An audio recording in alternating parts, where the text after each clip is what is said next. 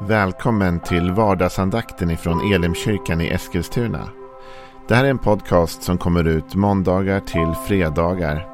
Om du vill veta mer om vilka vi är, vad vi tror på, hur du kan komma i kontakt med oss eller vad vi kan erbjuda dig för någonting så gå in på www.elimkyrkan.com. Får jättegärna gå in och likea vår Facebook-sida. Det är facebook.com elimeskilstuna. Eller så söker du upp oss på YouTube och då söker du på Elimkyrkan Eskilstuna.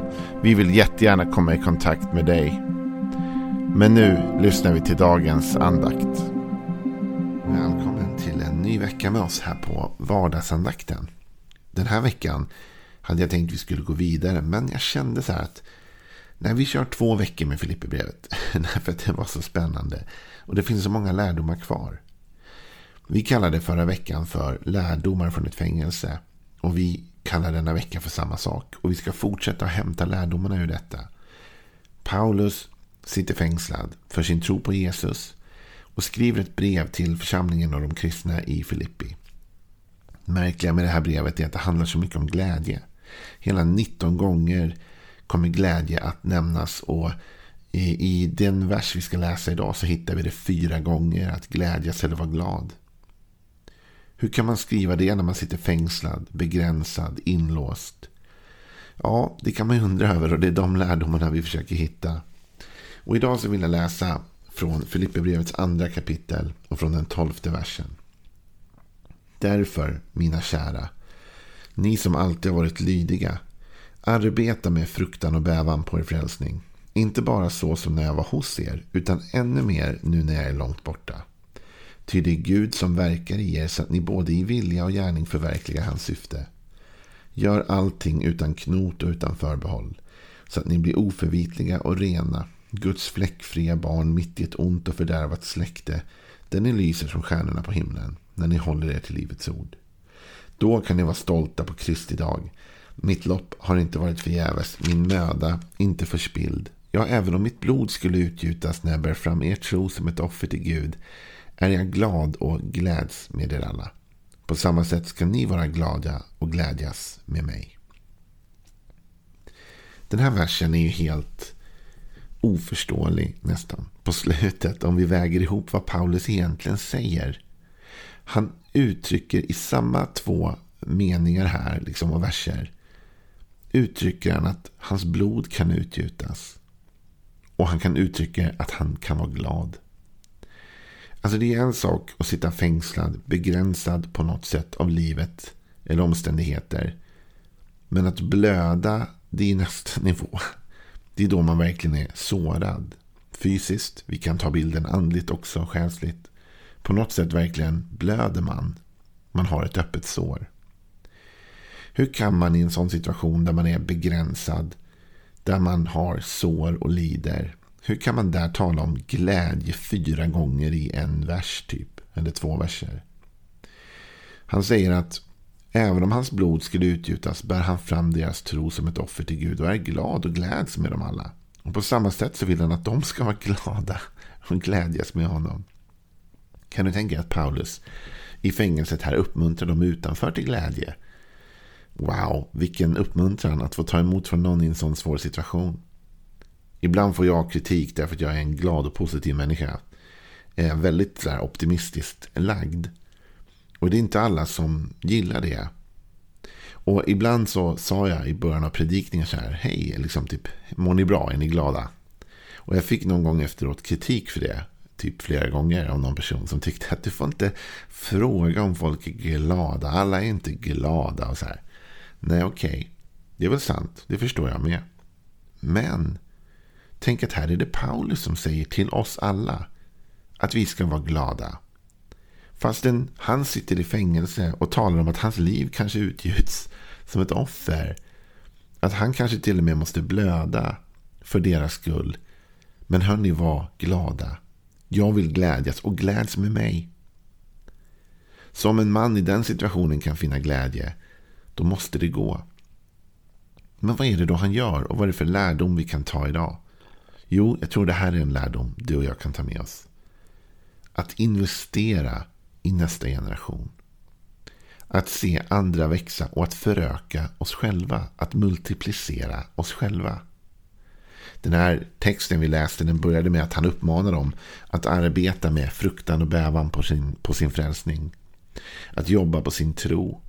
Och han talar om att han har burit fram deras tro. Det får mig att tänka på skapelsen faktiskt, konstigt nog. För i skapelseberättelsen står det att vi ska vara fruktsamma och föröka oss och uppfylla jorden. Det var det bud som Gud gav till Adam och Eva. Om man läser den engelska översättningen av det, en av de engelska översättningarna i alla fall, så står det så här.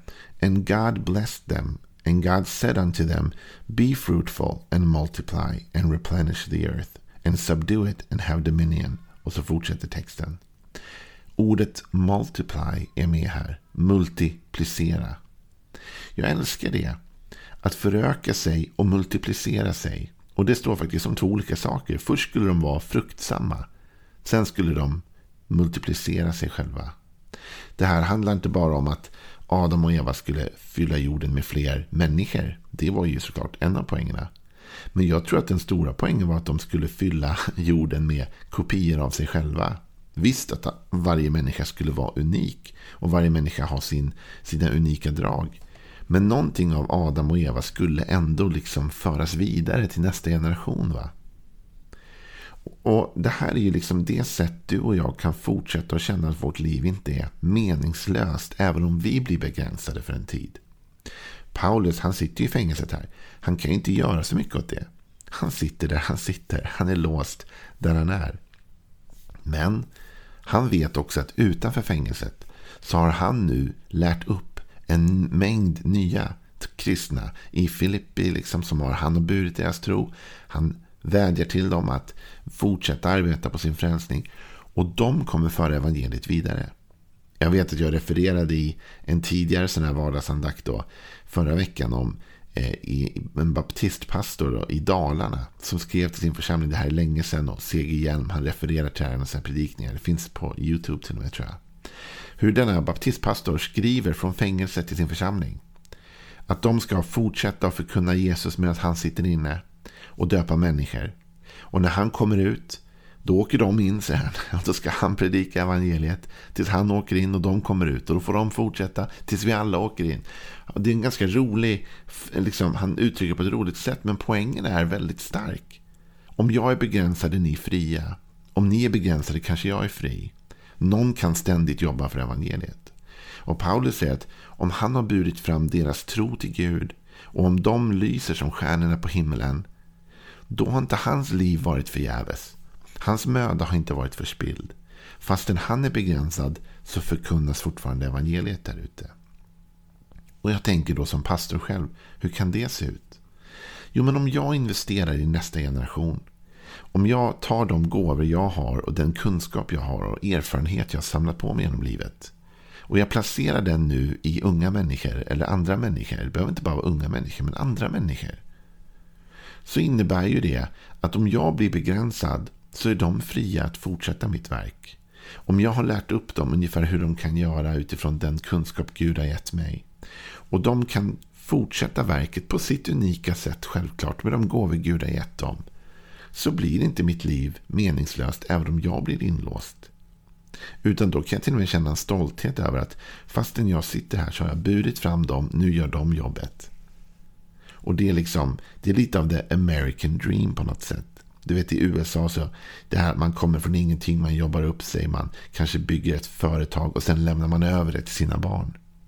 Någon tar vidare det jag liksom har byggt upp, det jag har jobbat med.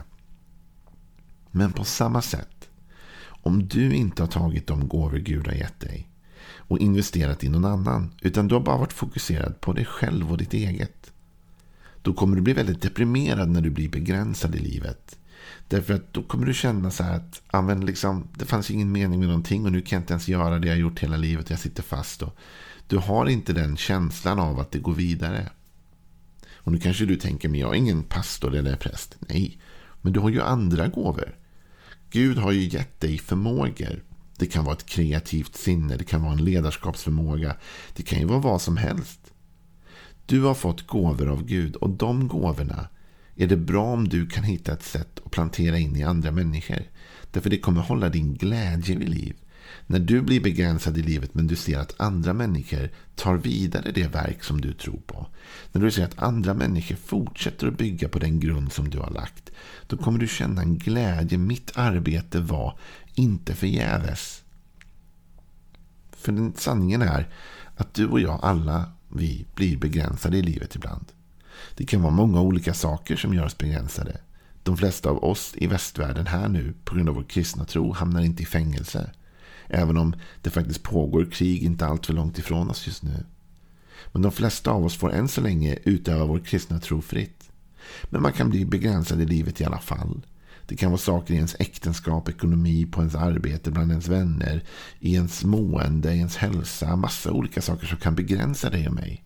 Men om vi har investerat, planterat in frön i nästa generation, så växer det vidare och det kommer liksom att föröka sig vidare. Det här var ju Abrahams stora kamp i livet. Det var att han kunde inte få barn. Och han säger till Gud vid ett tillfälle när Gud kommer till honom och säger Abraham, jag ska belöna dig, säger han till och med till Abraham. Då säger Abraham, vad ska du ge mig? Jag går ju bort barnlös.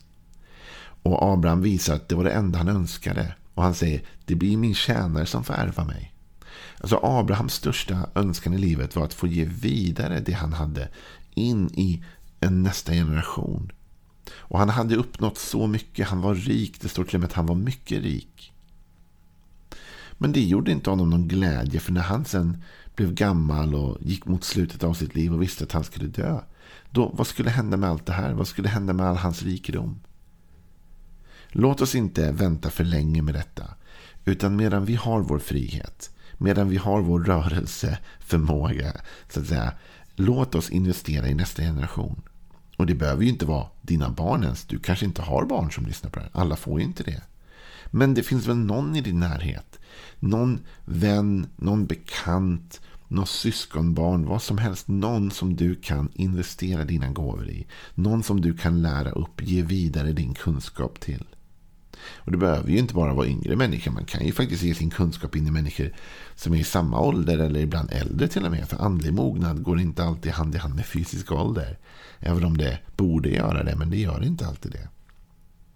Så våga ta det du har, de gåvor du har och ge dem till någon annan. Och jag förstår att då måste vi först tro lite på oss själva. Vi måste våga tro att Gud har gett oss någonting av värde som vi kan plantera in i nästa generation.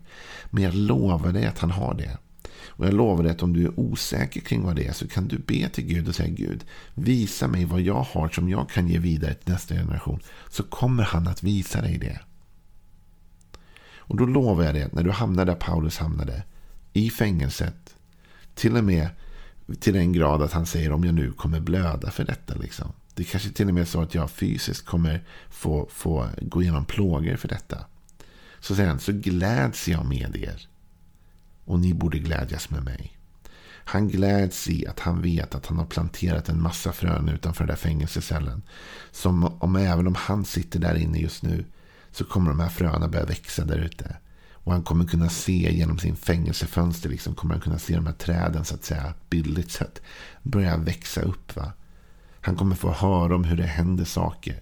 Hur människor blir helade, botade, hur evangeliet sprids genom de människor som han har tränat upp. Och han kommer känna en glädje i detta. Och han kommer känna att fastän jag sitter begränsad så är Guds rike inte begränsat. Och så är mitt livsverk inte begränsat. Utan jag har nu planterat ut de här fröna. Om det Gud har gett mig in i andra människor. Och nu kommer jag se det växa för all framtid.